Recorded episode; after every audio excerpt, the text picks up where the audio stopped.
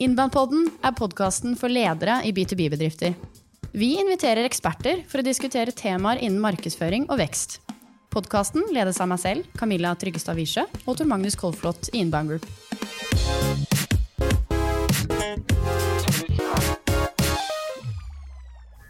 I dag har vi med oss eh, en svært erfaren eh, markedssjef fra SuperOffice, som har masse erfaring med å markedsføre og selge litt komplekse, kompliserte tech-produkter.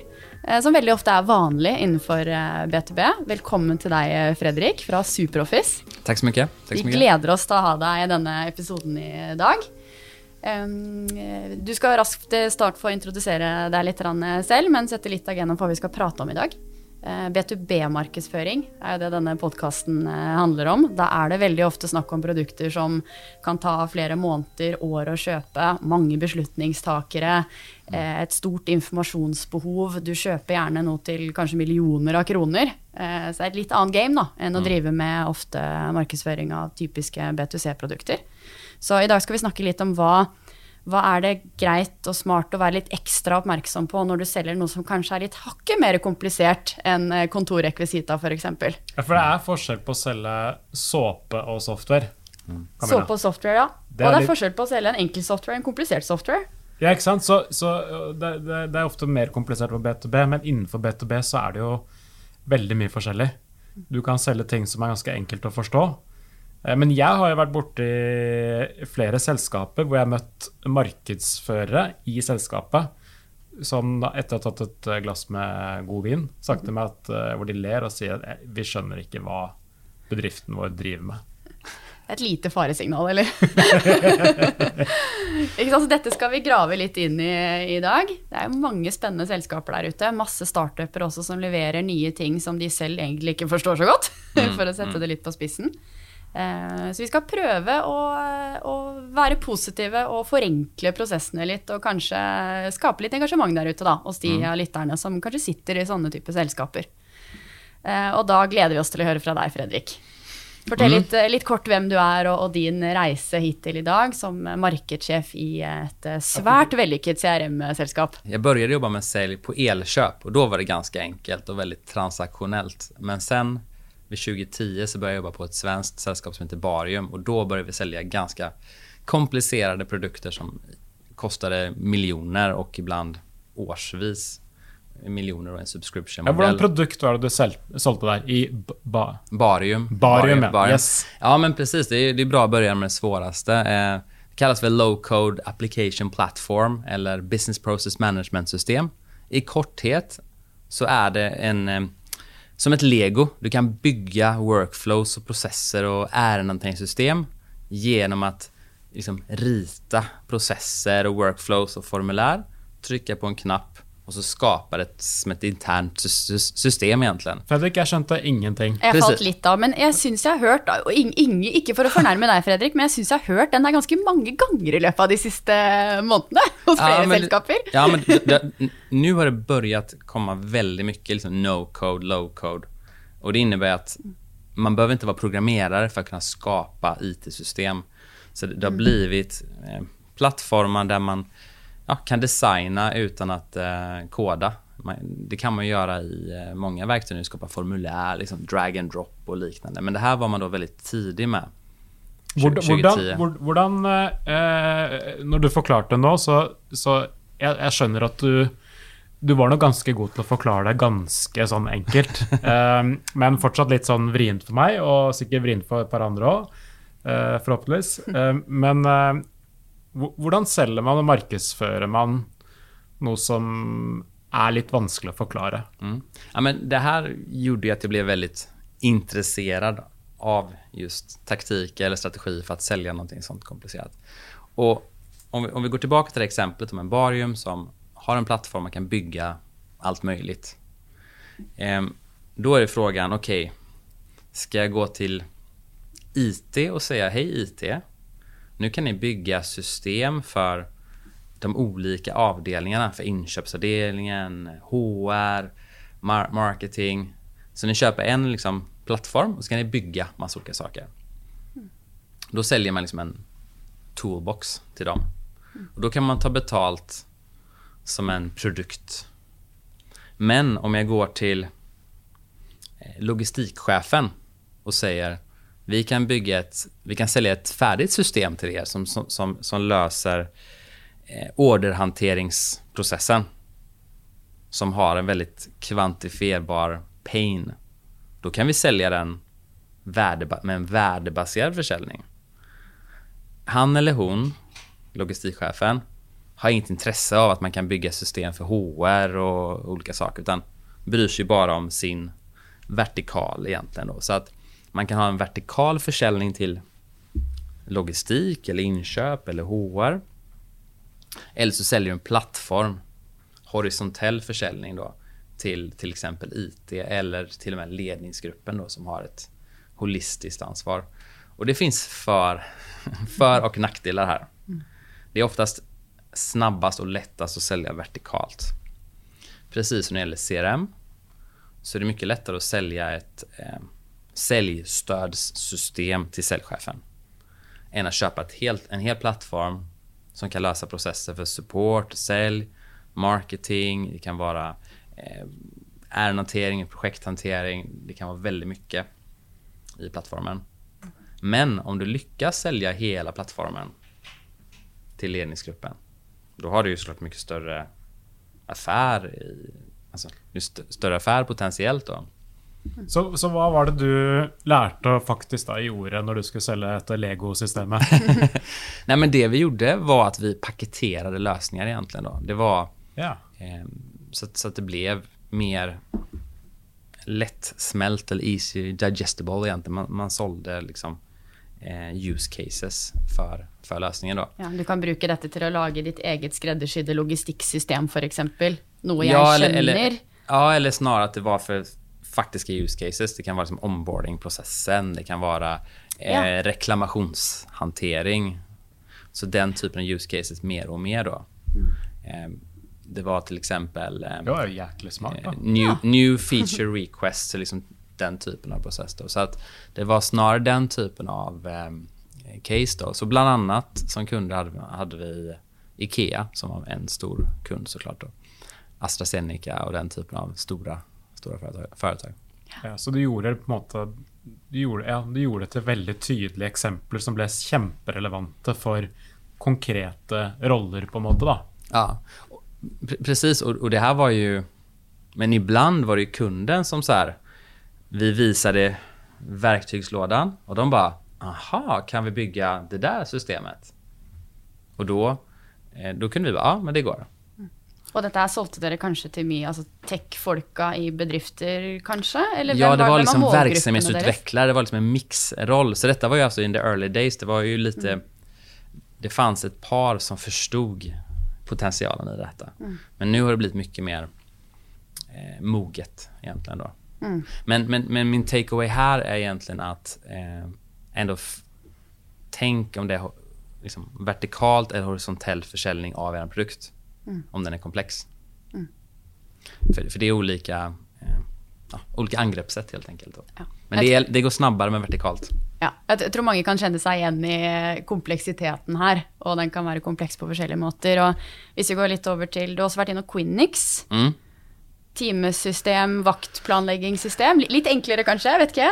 Ja, eh, precis. Och det är ju till, till stora, mm, till exempel då Elköp som en eh, norsk bedrift då, och Mästergrön och, eh, och, och liknande. Så det, det såldes främst till retail och till hotell och restaurang som var två stora eh, liksom vertikaler. Så det var också liksom vertikalspecifik go-to-market. Eh, oftast bedrifter med många anställda. Eh, som har, det är de som oftast har mest problem och störst värde i att ha koll på scheman och lön och det är eh, övertidsersättningar och det, det finns lag. Hur länge får du arbeta till exempel? Det kan ju bli eh, eh, vad ska man säga, eh, böter eller fines om man jobbar för mycket till exempel. Och Samtidigt så vill man ha bra scheman för att eh, många som jobbar i butik och restaurang jobbar helger, sena kvällar och man vill få ihop sitt livspussel också med familj och sådär. Så att då hade man en lösning som gjorde det dels effektivt att eh, liksom, ha ett optimerat schema. Alltså, man har perfekt antal ansatta i butiken eller liksom en lagom nivå. Eh, så att man optimerar sin försäljning till exempel. Eller, eller så kan man optimera för låga kostnader. Så det, man kan liksom ställa in vad, vad som är viktigast. Och det beror på varje företag. Om man har liksom höga eller låga marginaler. Mm. Eh, så det, det kunde man ju sälja till den. Okej, okay, vem är economic buyer? Det är ju en målgrupp för den här lösningen. Det kan vara varuhuschefen eller den som är varuhuschefens chef.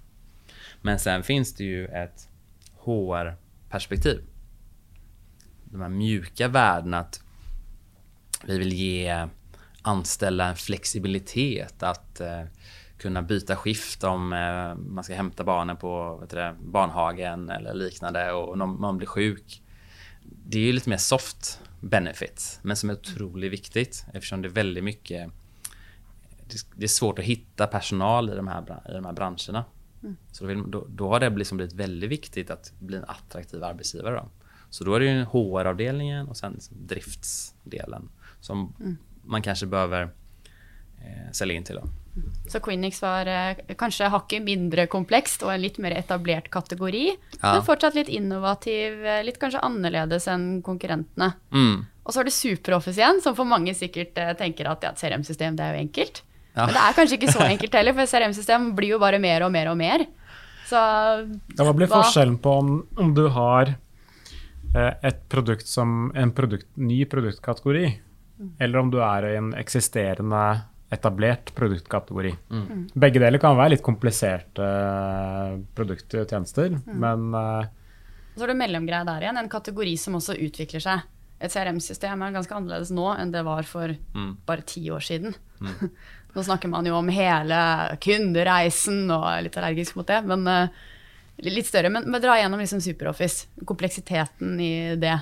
Ja men, ja, men precis. Vi, vi, vi, har ju då sälj, service och marketing som liksom huvudmoduler och så har vi massor med add-ons och funktioner eh, runt det här. Det, det, är alltså en otroligt liksom, kraftfull plattform och, och eh, det är ju grovt förenklat att ens säga så. Men sälj, service och marketing gör att det är enklare att gå till marknaden mot en riktad avdelning. Sälj, service, marketing. Mm. Men dere kom, altså, Superoffice kommer ju från salgssiden, mm. och så har det bara blivit mer och mer och mer. Eh, Precis, så det, det, är ett sätt att, att växa sin affär. Man, man, man, man gör en säljprodukt som man land, landar ett nytt konto med och sen kan man ju sälja en modul till och en modul till och, och, liknande då, så att man kan växa i plattformen. Mm. Eh, men, men det, vill komma, det som eh, man skulle kunna svara på är ju det är en etablerad kategori. Det stämmer. CRM-system existerar. Det betyder att vi behöver inte utbilda marknaden på samma sätt. Men det är också så att i vissa marknader som vi finns i, exempelvis Tyskland, så är det ganska låg maturity eller mognad kring CRM. I Norden så är det väldigt hög. Folk vet vad CRM är. Mm. Eh, men i, i till exempel Tyskland så är det många som köper CRM för första gången fortfarande. Och då måste vi for, fortfarande utbilda dem för att om vi är de som utbildar på kategorin så blir vi liksom trusted att vara rådgivare i det här och då är det mer sannolikt, mer sannolikt att vi är med i en köpprocessen.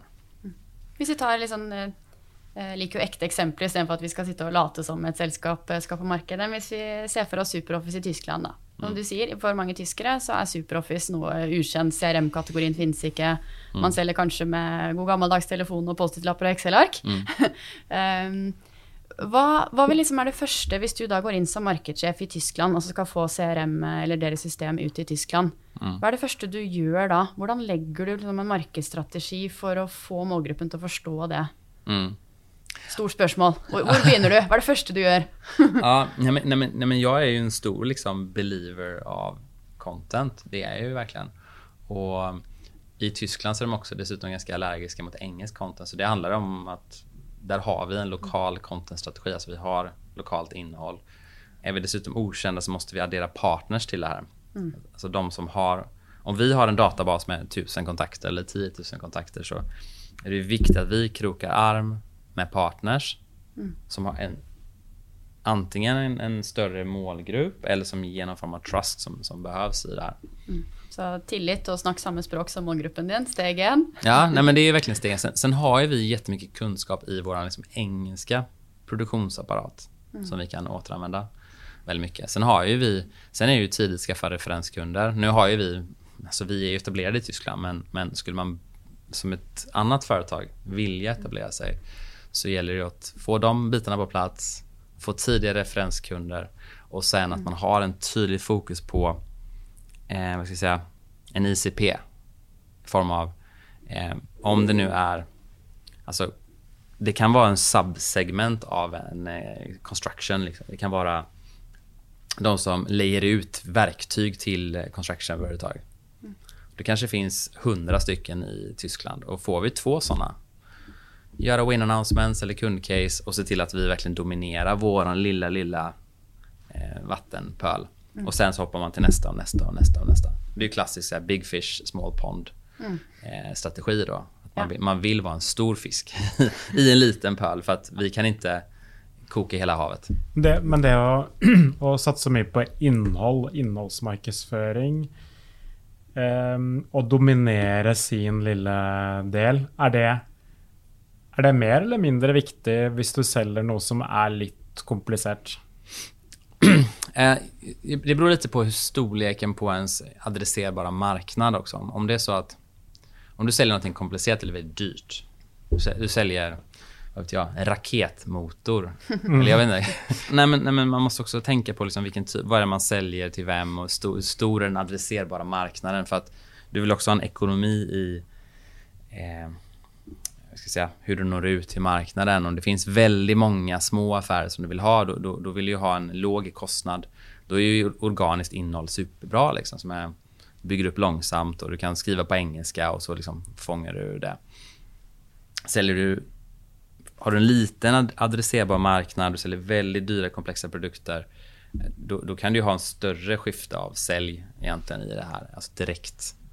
Alltså field sales som, som direkt eh, hör av sig. Och då handlar det istället om att marketing behöver se till att säkerställa och bygga upp trust. För då blir det istället så att om, om, om man är en startup eller något mindre sällskap som säljer dyra saker. Så att om, om jag ska sälja en raketmotor till eh, eller till BMW och vi är en norsk bedrift med 100 miljoner i omsättning och säljer en raketmotor för 20 eller någonting. 20 miljoner. Då, då är vi en väldigt liten väldigt litet sällskap som säljer någonting väldigt dyrt.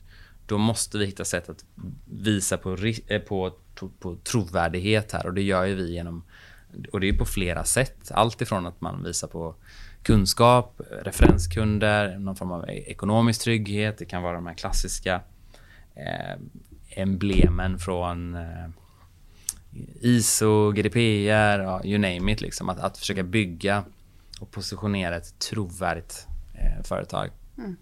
Och den tilliten, för att dra det lite ner till eh, til innhold og innholdsmarkedsføring, da, som du mm. er uh, veldig opptatt av og har jobbet mye med i alle selskapene. Mm. Um, man bygger jo tillit gjennom å vise, tenker jeg, liksom at man er uh, en aktør som faktisk vet hva dere snakker om. Ja. Så når dere selger CRM, så snakker jo dere mye om uh, på bloggen deres f.eks. om ulike faglige utfordringer dere vet at disse salgssjefene har. Dere viser at vi kan faget. Mm. Det er mm. ikke bare systemet. Um, og f.eks. i Tyskland da, så vil det være viktig kanskje å få disse salgssjefene i Tyskland da, til å skjønne hvorfor de i det hele tatt trenger et sånt system. Mm. Det, hvis vi løfter blikket litt, kanskje det er litt sånn hovedutfordringen ofte når man selger noe som kan være litt komplekst, eller er komplekst for målgruppen. Mm. Uh, at man faktisk må, må, prøve å finne ut av hva er det vi kan snakke om som fanger målgruppens interesse. Mm. Um, hvordan vil du tenke da liksom, i Tyskland? Hvordan, nej, men, nej, men, hvordan gör du det? Nej, men, nej, men, drömmen är att man vill ha en, man vill nischa ner marknaden ganska hårt i det här fallet. Mm. Eh, om det är så att man säljer något mer komplicerat. Annars kan vi skapa massa tyst innehåll och bara vänta på inbounds och sen det kan komma från höger och vänster och stort och smått. Men har man en väldigt liksom, nischad produkt eh, så är det bra för att referensförsäljning sker ju bäst i liksom tajta marknadssegment där man är liksom, har en refererbar... ad. har du en, eh, en vapen, vapenfirma eller om du har en en uthyrningsfirma för byggprodukter. Då är det väldigt relevant och då sker den här liksom försäljningen. Så att, så att eh, tappar din fråga, men, men jag tror det är viktigt att tänka på att ha en, en, en tydlig nednischad eh, go-to-market-modell. Sen hade jag gjort som, som ni gör nu egentligen. Jag har gjort någon form av webinar eller livecast och bjuder in den kunden. För om, för om man själv inte riktigt vet för sin start, undrar varför de köpte vårt, varför köpte de våran raketmotor? för det finns ju eh, alternativ som kanske kommer från Saab i Sverige eller något sånt som är eh, kanske ett, ett säkert val. Eh, och för det är en stor risk för BMW eller Mercedes och köpa en raketmotor från den här lilla norska startupen. För det är ofta så att det, det är en, en chef på BMW som säger att vi ska köpa den här norska startupens raketmotor. Och eh, det är ju hans eller hennes jobb som står på spel om det, om det blir en katastrof. Och Det här är ganska vanligt inom, inom mjukvaruindustrin att det är ganska säkert att köpa Microsoft och SAP och kanske Salesforce. Eh, och SuperOffice är också faktiskt en sån spelare i Norge som är safe choice. Det har blivit det nu. Man, man får liksom inte sparken för att man köper de här trygga valen. Men köper en unproven så, så är det ju för att du... Eh, då är det lite risky om det blir en eh, failure. Så att eh, då är det viktigt att fånga det här. Varför köpte de den här norska startupens raketmotor istället för, för Saabs raketmotor? Och då kanske man kan få fram det, de argumenten. Och du kan använda de argumenten i innehållsproduktionen så att andra refererbara kunder, ah, okej, okay, de köpte på grund av att det var mycket mer bränsleeffektivt. Mm. Det var inte... snacka med kunderna Ja, vi trodde, precis, vi trodde att det var för att vi var billigare, men nej, det var för att det var bränsleeffektivt och kompatibelt med framtidens datasystem. Mm. Jag vet inte. Men, men eh. Så man kan få sig någon överraskelse någon gånger när man kanske finner ut av varför kunderna egentligen gjorde som de gjorde och så sitter ja. man med massa marknadsinsikt som säger något helt annat. Så, Nej, men så är det. Och mm. I förhandlingssituationen kanske inte man säger det. Mm. Men sånn eh, Når man skal markedsføre noe som er teknisk og komplisert Du nevnte jo litt her i stad, Tor Magnus, at eh, veldig mange markedsførere markedsfører eh, i et selskap hvor de sier at de egentlig ikke skjønner hva selskapet leverer. Mm. Eh, hvordan lykkes man med å få markedsførerne i bedriften, som ofte kommer fra helt andre bakgrunner og helt andre utdanningsløp, holdt jeg på å si, særlig innenfor B2B, hvordan får man til det? Mm. Ja, for jeg som, jeg som, begynner å Når jeg har fått jobb som markedsfører i dette rakettstartupet mm. eh, Men jeg, jeg, er ikke utdannet innen rakett. Mm. Jeg kan bare litt om markedsføring. Har du ikke gått på NASA? Ja, Veldig godt spørsmål, Camilla. Ja, ja. hvordan, hvordan, skal jeg gjøre dette her? Mm. Jeg er jo ikke innenfor, jeg har ikke jobbet med rakett før, jeg. Ja, det, det är en jättebra fråga. Eh, jag skulle säga två, två olika ting. Alltså hos, hos oss så har vi en product marketing avdelning eller team som ska vara de här produktexperterna i marknadsteamet. Som har lite sån tech-bakgrund, ingenjörer eller något nej, sånt? Eller? Nej, jag, jag skulle, jag, personligen så vill jag hellre ha en, en bra marketeer mm. men som är intresserad och nyfiken av att lära sig produkten. Ja. Eh, men jag tror inte de behöver vara experterna, utan det är helt okej okay att bjuda in experterna istället. Så att det man behöver vara expert på är inte produkten, men vilket värde det levererar. Mm. Bli värdeexperter. Det, det må marknadsförarna bli. Ja. Ja, men det kräver ju att experterna då också är med i detta samarbete. Hur är det dere gör det? Dere har ju många säljare, en 40-50 säljare och en mm. cirka 15 marknadsförare i Superoffice. Mm. Um, då kräver det väl ganska mycket att de marknadsförarna pratar med och får den expertisen från, är det från säljarna eller produktchefen eller hur?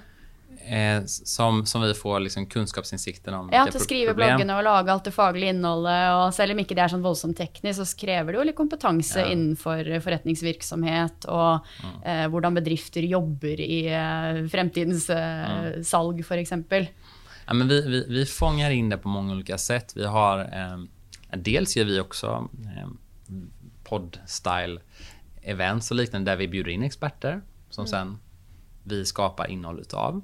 Alltså videos och artiklar och liknande. Men, men det är också så att vi har externa skribenter som är, gör lite mer research på olika områden. Ja. Eh, så, och sen har vi kunder som vi intervjuar. Så det är en mix av olika källor som vi eh, får kunskapen ifrån. Mm. Eh, men som ett annat exempel om, um, tänk flygplan. om vi kopplar från raketmotor till flygplan. Du är väldigt personligt intresserad ja, i tänk och fly ja, och raketer, jag så jag glömde bort att det. det... Jo, jo, jo, men det är klart att då eh, ska man sälja en, en eh, flygplansmotor. Det finns ju eh, Rolls-Royce och General Electric, tror jag, de stora. Eh, vad är det som är viktigast, viktigast för flyg, flygbolagen? Jag är inte inne i branschen, men jag gissar att så här, alltså, säkerhet är ju liksom absolut så här, superviktigt. Men det är mer hygienfaktor, att det ska vara ovanför någon form av threshold. Men sen är det ju eh, bränsleeffektivitet. Det, det, så är det. Det måste marknadsförarna ha stenkoll på. Ehm, så, och, och ska man sälja flygplan sen så, så vet man också att det är okej, det ska vara du vill kunna sälja en flygplansmodell som är bränsleeffektiv och du, du ska kunna ha en bra kapacitet i antal passagerare som du kan liksom klämma in på den här ytan. Så du vill ha en bränsleeffektivitet som är bränsle divided by antal eh, passagerare. Eh, och sen så vill du ha lite fina perks, att det var stora fönster eller bra benutrymme och sånt. Men, men det här måste marknadsavdelningen ha koll på. Sen behöver inte de veta liksom, detaljerna i produkten sen. Det, det tror jag inte riktigt. Nei. For det kan være selgernes eh, jobb. Men jeg likte veldig det du sa, at markedsførerne må gå opp på verdien av det produktet eller tjenesten eh, Ja, hjelper med på. och sen så tror jag liksom att alltså, vi, vi har, vi, våra säljare är jätteduktiga på produkt och det, det tror jag är jättebra. Eh, men jag tror också att få med värde, för, alltså förståelsen för, för verksamheten är ännu mer viktigt idag än för fem eller tio år sedan. Eh, så, så att, eh, och man kan ta in experter, men oftast pre-sales och liknande som kan produkten ännu djupare. Då. Hva er ehm, Du Camilla, jeg stiller deg et spørsmål. Jeg. Ja, det er også lov. Ja, fordi du har jobbet litt med markedsføring. Ja, Faktisk flere år med innenfor B2B. Ja. Hva tenker du er eh, hva, hva, hva- hva tenker du blir viktig hvis man skal selge et litt komplisert B2B-produkt til en målgruppe hvor det plutselig er litt forskjellige beslutningstakere? Hva tenker du er essensen for å få det til å rulle da? Jeg var i et møte senest i går faktisk med et sånn tech-selskap som eh, leverer eh, ny software. Eh, det skal jeg, ikke, jeg har ikke hørt med de om det er greit at jeg deler det i episoden her, men eh, jeg tar det litt sånn overordna. Leverer et software i en helt ny produktkategori. Eh, det løser problemer som selskaper har, men det er en helt unik software. Eh, og jeg, vi i møter ukentlig med selskaper som, eh, som selger software som forbedrer prosesser, helt nye, tenk, helt nye tankeganger. Det kan være selskaper som vil bli unicorns, eller selskaper som har holdt på i 10-15 år og skal nyvinne seg, f.eks. Um, og noen tenker jo da at eh, det er så komplisert og teknisk at dette er jo helt umulig å selge og helt umulig å markedsføre. Um, men det jeg pleier å snakke mye om, det er å ta det litt ned til, til de grunnprinsippene som vi er opptatt av. Og litt det jeg hører fra deg, Fredrik, også. Sånn, det som er sånn helt key, tenker jeg, det er å starte med Selvfølgelig hva er målsetningen og salgsmål og forretningsmål, og hvor skal du vokse vertikalt og horisontalt og alt det der. Men også sette seg ned og finne ut av hvem er de drømmekundene. Hvem er de du vil at skal kjøpe dette her? Um, og starte med å finne ut av, ved å prate med dem og prate med markedet og gjøre gode innsiktsanalyser, og finne ut av hvilke problemer og pains er det de egentlig har. Sånn som de flypainsene du snakket om, med sikkerhet og noe drivstoffeffektivitet og liksom Det er jo det de problemene den målgruppen sitter i. Eh, og noen ganger så opplever jeg at selskaper tror de vet veldig mye om målgruppen og hva de er ute etter. Eh, men så fort du spør om det, så, så dreier samtalene seg veldig over på features igjen, da. Og vårt produkt gjør det, og det skal gjøre sånn og sånn og sånn. Um, og det er jo ekstra vanskelig å få disse, selska eller disse potensielle kundene til å innse at de har et problem og behov. Fordi noen ganger så skal du inn og disrupte markedet med en kategori som ikke fins lenger. Eh, og da er det jo ekstra vanskelig, for da må du prøve å finne hvilke pains er det du kan trigge på. da. Det er noe ganske annerledes om du vet at du har et behov, eller at du ikke vet det. Så jeg tenker start med målgruppen. Det høres liksom banalt og enkelt ut, men, men start med dem og liksom snakk med dem og finne ut av eh, hvilke utfordringer de har. Og så må du da møte dem med markedsføring og med salg og med innhold som gjør mer enn å bare pushe produkt og features. Men For så det, er altfor mye fokus synes jeg, på features. Ja, vi har nyeste, fresheste teknologien, og derfor skal du kjøpe av oss. Du skal jo ikke kjøpe av oss fordi vi har den fresheste teknologien. Du ska köpa oss för vi har en teknologi som hjälper dig med att uppnå ett eller annat. Mm. Kan man oppsummere dette som at hvis du har litt komplisert produkt du skal selge, eller litt komplisert sånn målgruppebilde, så blir det enda viktigere å gå analytisk til verks med markedsføringen. Finne Ja. ut av hvem er kundene, hvem er de forskjellige folka som er viktigst å nå ut til. Hva er det de egentlig er opptatt av? Og så blir det enda viktigere at markedsførerne skjønner verdien av dette kompliserte produktet. Og får kommunisert dette her, og fokusere på å bygge opp tillit. Mm. Og klart er det en ny kategori av produkt, så må man eh, tenke også litt på det. Ja. Det finns en fantastisk bok faktiskt och modell. Eh, boken heter Crossing the Chasm och eh, illustrerar ganska väl de olika stegen man kan ta om man då säljer en eh, high-tech Det här produkt. snackade det sällskapet jag var i möte om Ja. igår om. De Ja. nämnde den boken. Ja, det är tydligvis en bok jag må läsa. Ja, nej, men den, den, den, den var en av liksom de första böckerna som jag, jag det, kal läste. hva, hva det du kalte det boka? Crossing the Chasm. Og jeg som ikke kan engelsk, hva betyr det? Ja, men man kan säga att i, i någon form av eh, normalfördelningskurva så här eh, så, så kan man säga att om man då är ett eh, startup till exempel som har en ny teknisk produkt så, så visar de någonstans olika steg i liksom hur man ska gå till marknaden egentligen. Och I de supertidiga stegen så handlar det oftast om att allra första gången så kanske faktiskt är features, man säljer någon ny ny AI, någon ny funktion eller någonting. Och de som ofta säljer till är early, eller det kan vara de som är liksom early adopters eller till och med innan dess. Det är de som är liksom tech enthusiast som liksom köper det här bara för att det verkar coolt.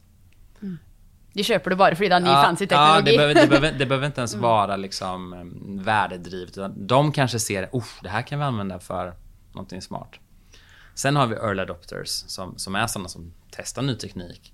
Sen, och det, det finns ju kanske då 5-10% av våra köpare kanske är så här early adopters. Man är risk takers och kan köpa ny teknologi utan att det är liksom helt beprövat. Då. Jag kanske är en sån eh, som kanske testar nya saker. Men, men om du ska nå den här early majority av marknaden, den här första halvan som faktiskt köper ganska mycket.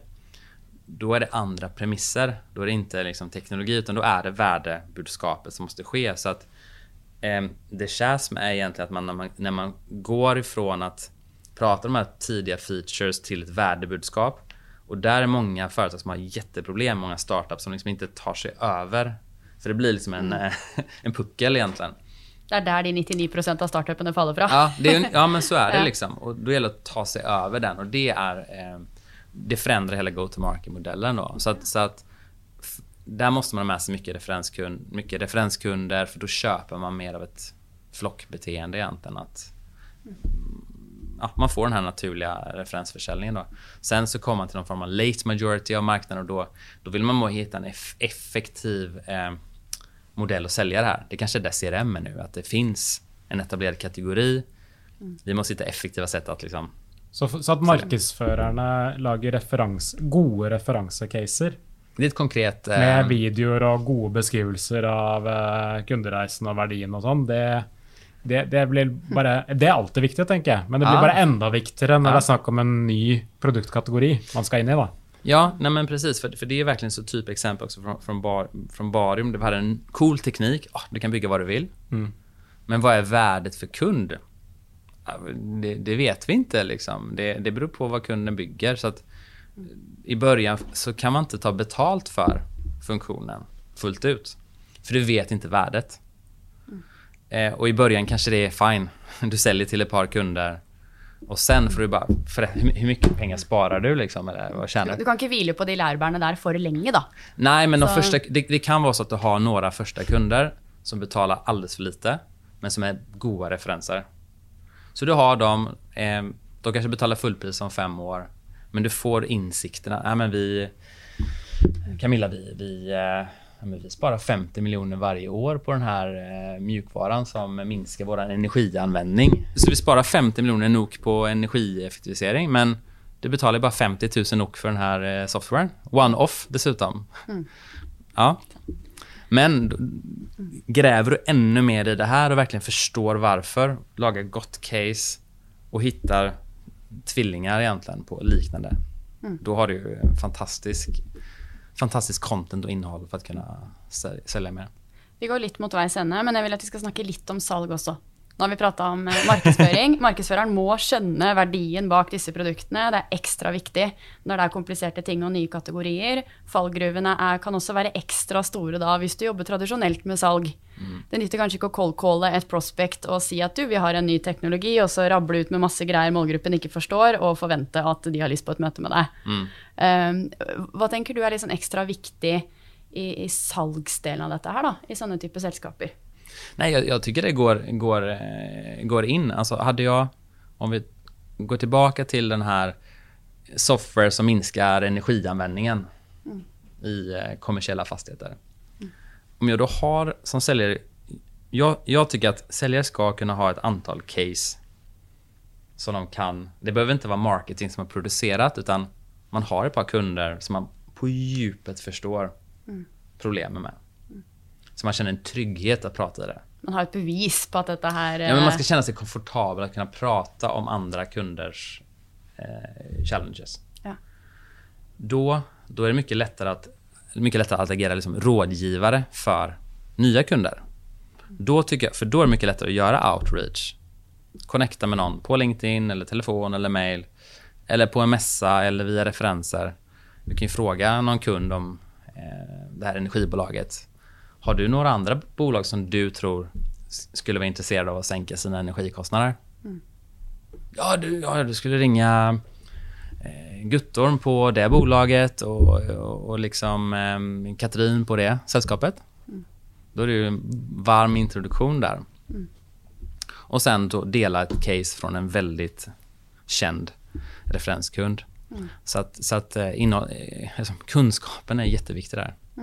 Og naturligvis den kunnskapen er enda viktigere at selgeren kanskje har, som er i dialogen med den potensielle kunden. At vedkommende virkelig skjønner problemene og behovene den målgruppen har. Men også at selgerne kanskje i sånne type settinger som det her er ekstra avhengig av å ha markedsførere som gjør jobben sin. Ja. Fordi det er jo enklere når man ringer, la oss si du ringer en selger fra dette nye selskapet eh, til et, en potensiell kunde, og de kanskje allerede har hørt om deg før. De har kanskje til og med sett et par annonser om dette her, de har liksom fått trigga litt interesse. Så gjør jo det i hvert fall den første jobben til salg litt enklere, da. Nej, men som exempel, men om jag skulle... Eh, som Elköp till exempel, kund på eh, Quinix. Power är väl en konkurrent, antar jag, här i Norge, Ja. som är elektronik. Jag menar, om jag skulle... Nu hittar jag på siffror, men om jag skulle ringa till eh, någon hög chef på Power och säga så här, hej, jag heter Fredrik, jag är eh, marknadschef på eh, Quinix. Eh, vi har hjälpt Elköp att sänka sina kostnader med 50 miljoner NOK per år eh, och öka försäljningen med 12% med smartare eh, liksom, vaktplanläggning. Har du 15 minuter att snacka nästa vecka?